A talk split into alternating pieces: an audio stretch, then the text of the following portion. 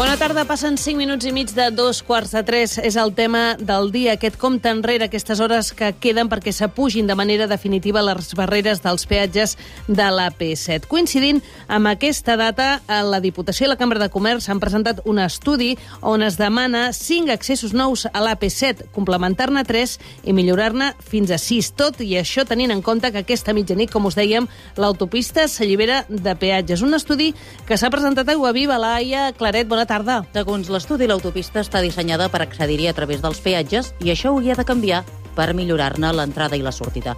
És per això que es volen crear nous accessos per descongestionar Girona Sud, també Medinyà o a Figueres. Ho explica Àlex Gilabert, un dels responsables de la Cambra de Girona i president de l'Associació de Transport Gironins. Figueres tenim una entrada-sortida nord i una sud, no? la 3 i la 4, però no n'hi ha cap a l'oest. No? I, evidentment, doncs, aquí tenim una infraestructura com és l'estació de l'AVE a Vilafant i, a més a més, doncs, una carretera cap a Olot. Per tant, creiem que aquest és un punt molt lògic per poder preveure un nou enllaç. També s'haurien de completar els accessos a la Junquera, a Vilademuls i Fornells de la Selva, segons l'estudi.